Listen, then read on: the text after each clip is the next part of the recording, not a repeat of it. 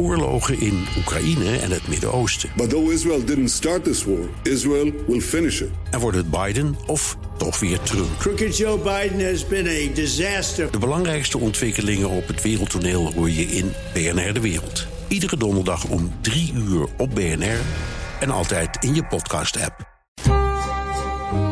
De Perestrooikast. Een blik op Oost-Europa.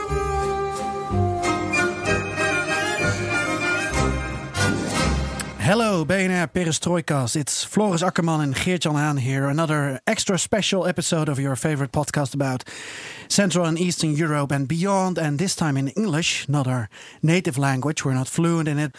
We're probably going to make a lot of mistakes.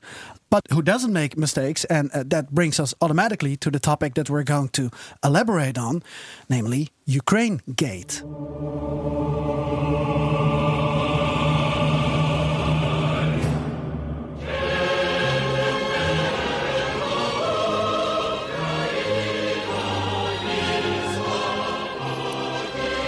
In a minute, uh, Mr. Taras Kuzio, a leading authority on contemporary Ukraine, will join us to enlighten us on Ukraine Gate, on the scandal. But first, uh, a summary, a short one on what happened while I was laying around on the sand of Ibiza and Formentera in the Mediterranean Sea last week, Floris. Um, you just can't be off and offline for a week anymore. But luckily, Floris, you were around um, covering all the news. So, what did I miss? Well, you miss a lot there on the beach on uh, Ibiza, Geert-Jan. Um, suddenly, our region, especially Ukraine, is on the world's mind, especially because the American president, Mr. Trump, might lose his job over the over Ukraine Gate. So there was a whistleblower in the U.S. intelligence community. Okay. According to him, President Trump pressured the new Ukrainian President Zelensky to investigate former Vice President Joe Biden, usually using nearly 400 million dollars in military aid as leverage. Okay. A White House memorandum outlining the leader's call shows Zelensky asking for more military aid, to which Trump responds, I would like to do you as, as a favor, though, before turning to a possible inv investigation of his political enemies.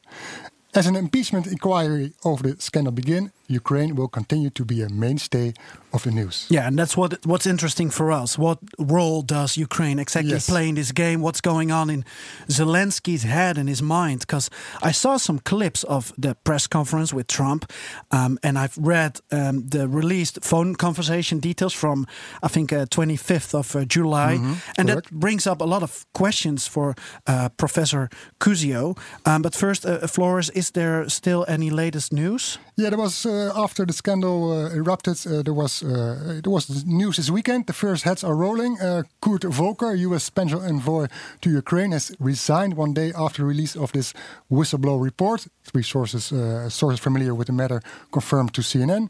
Volker was named in the report because uh, he became a, a key player in the unfolding scandal around this complaint by the whistleblower. Volker set up a meeting between Trump's personal attorney, uh, Rudy Giuliani, former uh, mayor of New York City, who had been interested in getting Ukraine to investigate Joe, Joe and his son Hunter Biden, and a Zelensky advisor in an effort to get the Biden matter out of official talks. Okay, and for my uh, perspective, what's the deal with the former Ukrainian prosecutor general, Mr. Viktor Shokin? Yes, we are. I will explain that to you also. Shokin is at the center of this impeachment inquiry into Trump. Uh, he comes forward with allegation against former U- U.S. Vice President Joe Biden.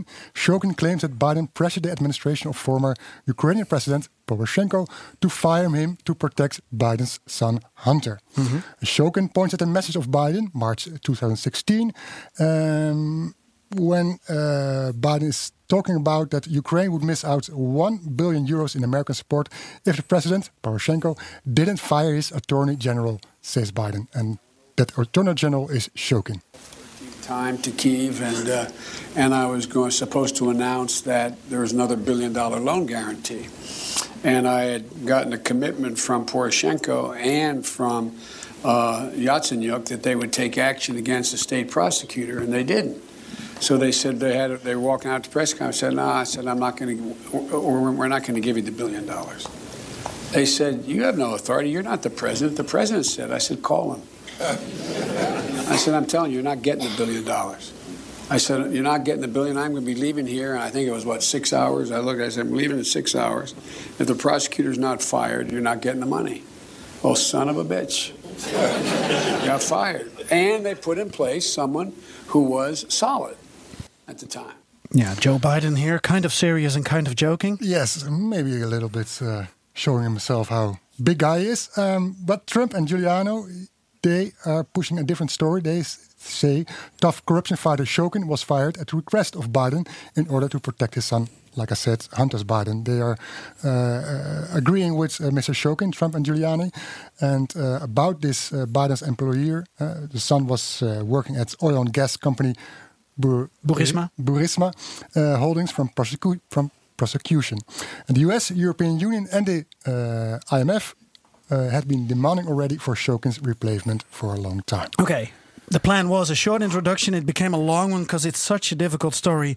Thank you very much, Floris. Let's talk this through with uh, Professor Taras Kuzio of the Department of Political Science, National University of Kiev Mohyla Academy, and a non resident fellow at the Foreign Policy Institute, School of Advanced International Studies at Johns Hopkins University, and currently in The Hague. Mr. Kuzio, welcome on the program. Good afternoon. Um, what's your latest news about this um, scandal, what we're calling Ukraine Gate? Well, I think that um, the news or new developments are going to come out literally on, on a daily basis. What to me seems striking is that uh, the, gr- the group of conspirators, shall we say, um, is now far bigger than just Giuliani. We have already heard of Kurt Volker. Um, Kurt Volker was a very pro Ukrainian uh, diplomat, um, but unfortunately, like many people in Washington, he also had a side business, which he was a consultant to a company called BGR Group. Um, and I think it's because of that work, not his work as trying to bring peace to eastern Ukraine, that he fell foul of this scandal. He basically had to do some work on the consultancy side for Giuliani. Yeah. Mm-hmm. And we also have two very suspicious Russians who live in Florida working on this now, mm-hmm. working with Giuliani. And today, the publication of two new names of more lawyers. So the the group of conspirators gets bigger, which which kind of works against Trump, of course, because it shows it's not just one man, Giuliani. Yeah, in the in the global media, of course, there's a lot of attention um, uh, to the, the possibility of impeachment of the American president. Um, we want to focus on, on, on Ukraine. Um, how are actually, in your opinion, Ukrainian media responding to this kind of unforeseen situation? Well, there's a kind of exasperation and, and, in some ways anger because you have to remember that most uh, Western journalists never travel to Ukraine. They cover, like they did when the USSR existed, they cover the whole region from Moscow. Yeah. Um, or they cover it from Warsaw or Paris or somewhere. Or Amsterdam. Um, and, and therefore they're writing about this without even having, having traveled to Ukraine. So they make um, very many mistakes, like, for example, assuming that the prosecutor's office in Ukraine prosecutes. It doesn't. It never prosecutes. It's a highly corrupt institution. So the words of prosecutors like Mr. Shokin and Mr. Lutsenko are really um, not words we should listen to. Hmm. So I, th- I think it's this kind of exasperation that um, that, uh, that the, the Ukrainian side is being um, shown up to be as a part of this kind of uh, scandal, when in fact, really, this is all about domestic American politics. Uh, Ukraine is just the the bogeyman that's being kind of dragged into it, um, when it's really just Trump. Um, his personality throughout his life, including as president, is that he's above the law. He um, thinks that the ends justify the means. And just like during the election campaign in 2016, he will use every means possible to win. So you're um, you're saying this this will not backfire on on Zelensky because well nobody no, actually cares no. about Ukrainian politics. Well, it won't backfire on Zelensky because Zelensky really is um, as somebody that was not uh, involved in this scandal. I mean, this was all to do with the previous president, Mr. Petro Poroshenko. I mean, Zelensky's just inherited this mess, and and um, the, the official position, what I read today of the Ukrainian uh, authorities, is that they want to stay out of this uh, scandal, which is, of course, the best thing to do. Why should they pick sides? After all, after next year's elections, there could be a Democratic president. Mm-hmm. You're saying So- Ukraine is, is a bogeyman right now, but if we look to this uh, conversation call between Trump and Zelensky, Yes. it's also we are as uh, we are focused on this region, so we are we are Yes, uh, looking to yes, what yes. uh, Zelensky said in this during this call. Did he something? Did he do something wrong during this conversation with uh, the American president? Um, I think he was a bit too over eager in maybe trying to please Donald Trump, but unfortunately, this is the problem that many Western or many foreign leaders have to do. I mean, Trump is a narcissist, so he likes to have his ego stroked, um, and, and, and, and many foreign countries, including Canada, when they had to renegotiate the North American Free Trade Agreement, they have to try to be on Trump's side.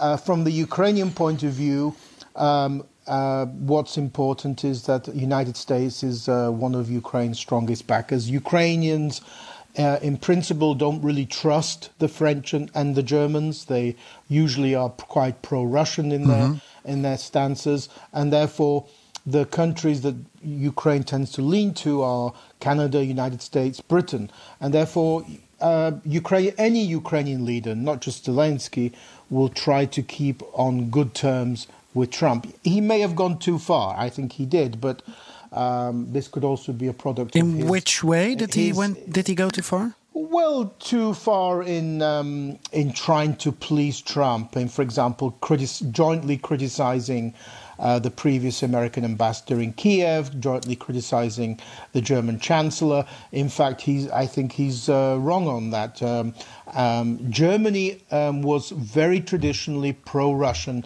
Um, um, it was a country that basically ignored the countries in between Germany and Russia. And that was Germany's policy has been for a long time.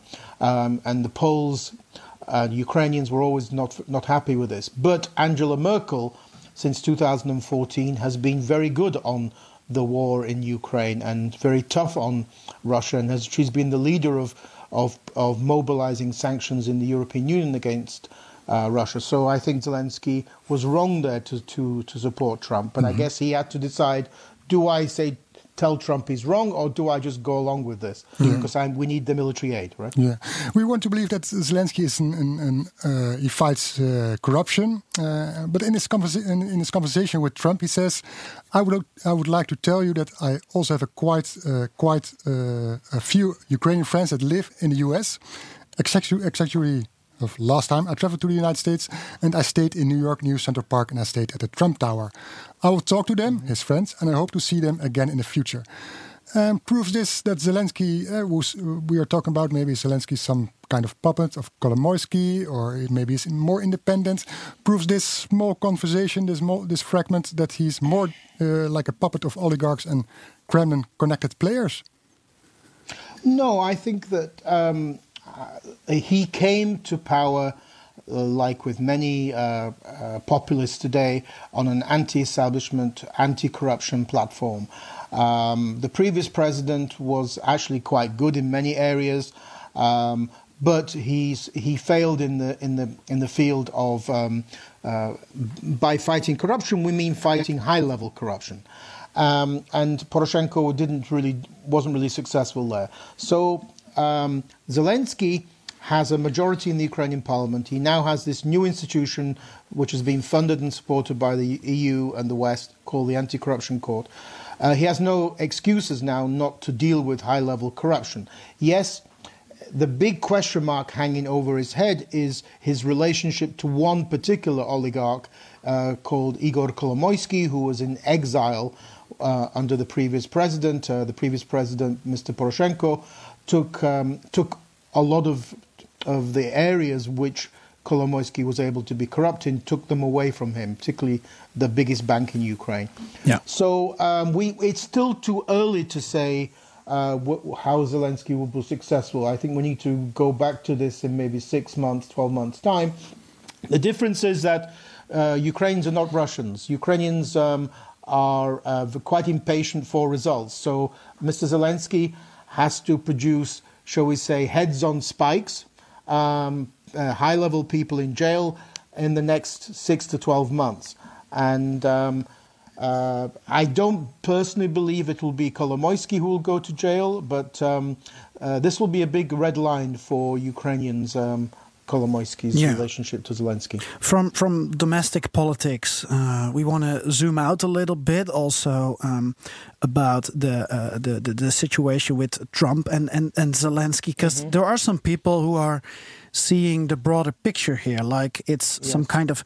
Uh, it it was because for the last months, um, since Zelensky is in power, a lot is going on.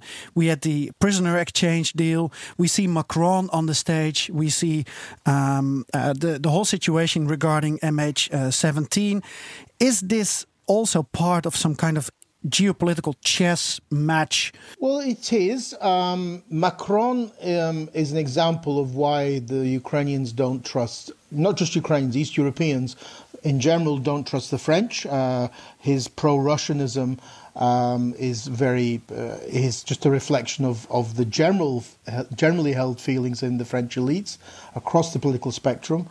Um, but um, I think I think that uh, Zelensky is a, a prisoner of his own election promises. He promised to bring peace quickly to eastern Ukraine, and that promise is simply impossible to fulfill unless you are willing to surrender to Russian demands.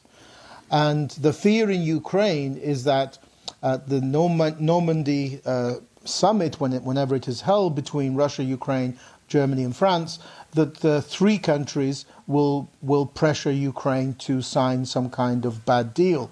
And this will certainly be work against him in Ukraine. Um, it will very much damage his popularity. Um, the example of trying to please election promises was the prisoner exchange. I think it was a mistake. Um, it was certainly a mistake, in my view, to uh, send back um, a Ukrainian who was involved in the shooting down of MH17. Yeah, Mr. Um, that, Yes. that was, um, I, um, and the, the only reason the Russians went ahead with the exchange was to get him. So that already shows Russian guilt. Um, they didn't care about anybody else. Um, so, but there are hundreds more prisoners. So I, I think that was um, uh, one of his mistakes. I think the problem with Zelensky, as it shows in with the Trump uh, meeting, is that he's um, arrogant and naive, and those two could be working could work against him, including on these peace negotiations or neg- or these kind of ne- whatever these negotiations are going to happen. See the prob- where the Americans and the British come into this is that the Ukrainians have always complained that why is it just the French and the Germans in these negotiations who they often suspect are pro Russian? Why are the Americans and the British not included? Trump has actually said he would be happy to join. I don't think many Ukrainians would want him to join because he's seen as quite pro Putin. Uh, but why do the Ukrainians look to the Americans and British? Um, why are they angry not, that they are not there in Normandy? Because back over now, sort of 25 years ago, Ukraine gave up uh, nuclear weapons. It was the third largest nuclear weapons country in the world after the collapse of the Soviet Union. In return for giving up nuclear weapons, um, it was given something called the Budapest Memorandum, um, where it was g- given sort of security guarantees. Um, but the United States and Britain basically didn't didn't care about those guarantees in 2014, and they have not been involved in these peace negotiations. So. Um, I understand perfectly well why any country like North Korea would not want to give up nuclear weapons because it was a mistake to do so. So it's not a coincidence coincidence that Ukraine is uh, in the middle of this. No, it's not a coincidence, but this is part of the kind of the triangle between Western countries, Ukraine, and Russia. Um, there's obviously pressure growing in um, some European countries, like in France and, and maybe Italy, um, particularly where populist nationalists are in power or popular, uh, that they want to restart normal diplomatic relations with Russia. They want to end sanctions.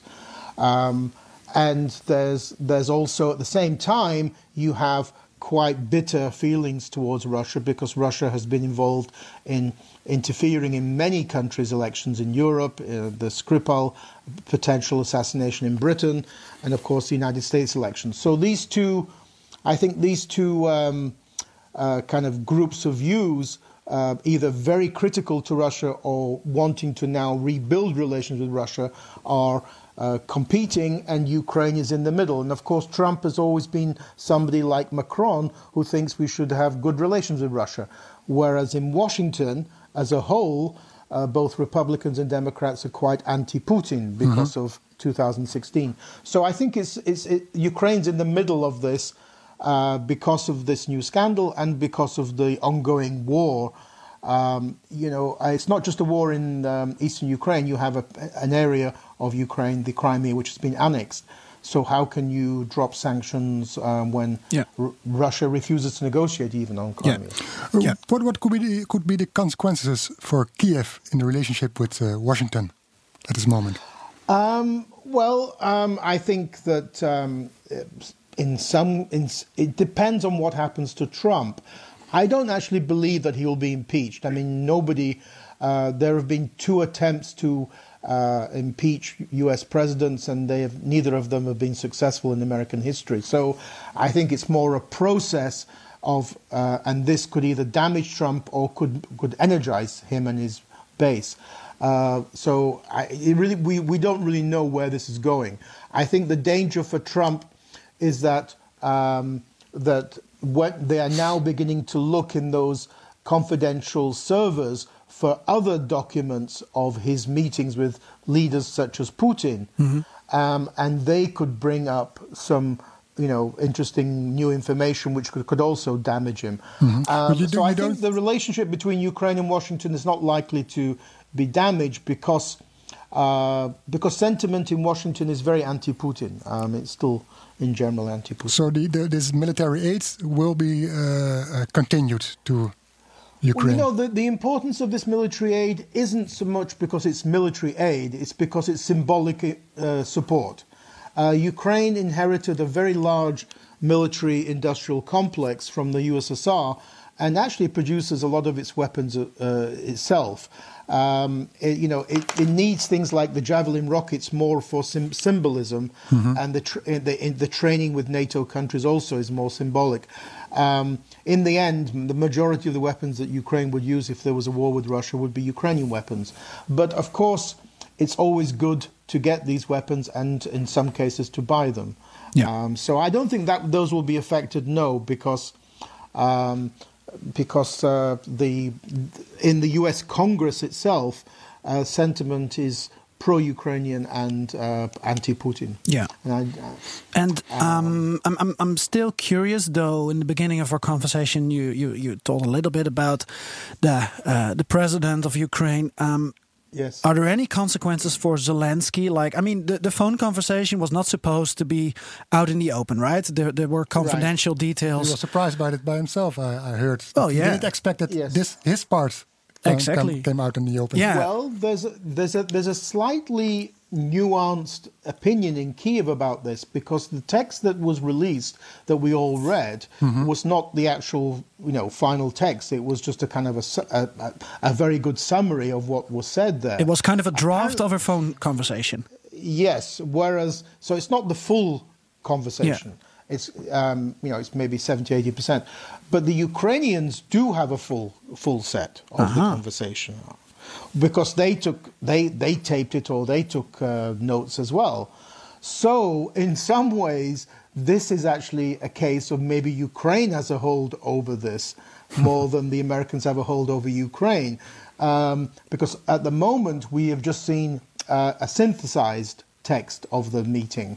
Uh, done by apparently I, th- I don't think it was the CIA officer who was the whistleblower did not attend the meeting. He was just uh, people reported yeah. reported to him afterwards. But the Ukrainians have the full text. So how this will will will will you know go out um, is to me what what I think uh, the Western media has ignored so far um, is that. The the fault here really lies on both sides, Democrats and Republicans, and unfortunately, in Washington, because of the, you know, the, the radicalization of politics on both sides, is that everybody's pointing the finger at everybody else. But the reality is, is that we shouldn't forget that I don't think Joe Biden did anything wrong. I don't think he, you know, him calling for the removal or the replacement of the Ukraine prosecutor was something that everybody was doing Netherlands, EU, Germany, everybody. But it was wrong for his son to get $50,000 a month for five years whilst he was vice president. And, and that to me is, is, is unethical and immoral. Um, and that, you know, that aspect of Yeah. it shows that the impeachment process could be maybe as damaging for the Democrats as it could be for the Republicans. And it proves again that uh, uh, prosecutors in Ukraine don't really fight against corruption. No, no, they don't. I, I've long said that the Ukraine Prosecutor's Office, which is something that was inherited from the Soviet Union, Yeah. should be closed down. Um, they have never prosecuted anybody in their in their lives, and that's why it's a joke to see Western journalists say, "Well, we have to listen to Shokin or Lutsenko. You don't have to listen to them at all. These guys are not credible. They they will We don't do lie their anymore. teeth." yes, yes. Um, so uh, yeah, so I, I, I think that um, sadly we have a situation that uh, in Washington in particular, but not only in Washington, in Brussels, in London, Londongrad. That's why it's nicknamed Londongrad. Uh, you have a lot of people making money from these kind of dirty consultancies, um, and um, you know.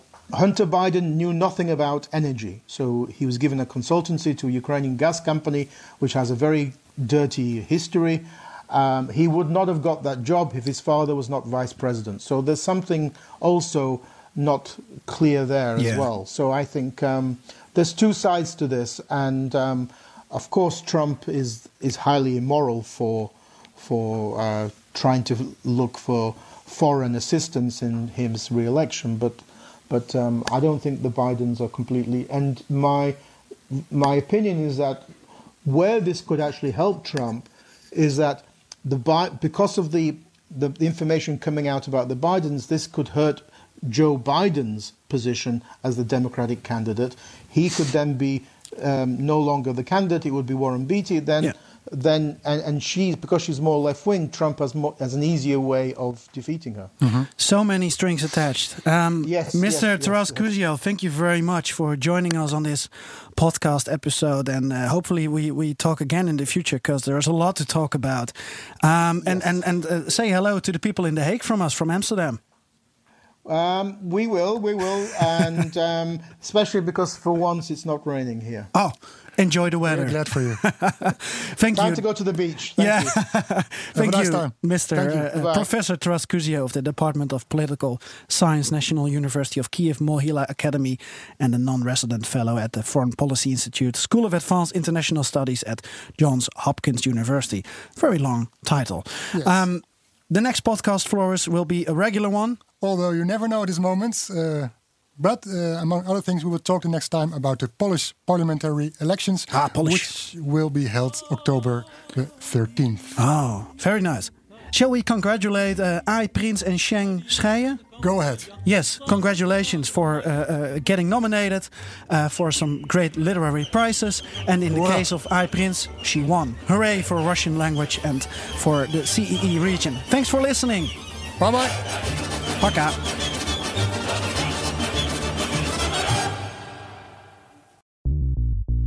BNR ben je altijd als eerste op de hoogte van het laatste nieuws. Luister dagelijks live via internet. Bas van Werven. En heel langzaam komt de zon op rond dit tijdstip. Je krijgt inzicht in de dag die komt op BNR, het Binnenhof in Nederland en de rest van de wereld. De Ochtendspits. Voor de beste start van je werkdag. Blijf scherp en mis niets.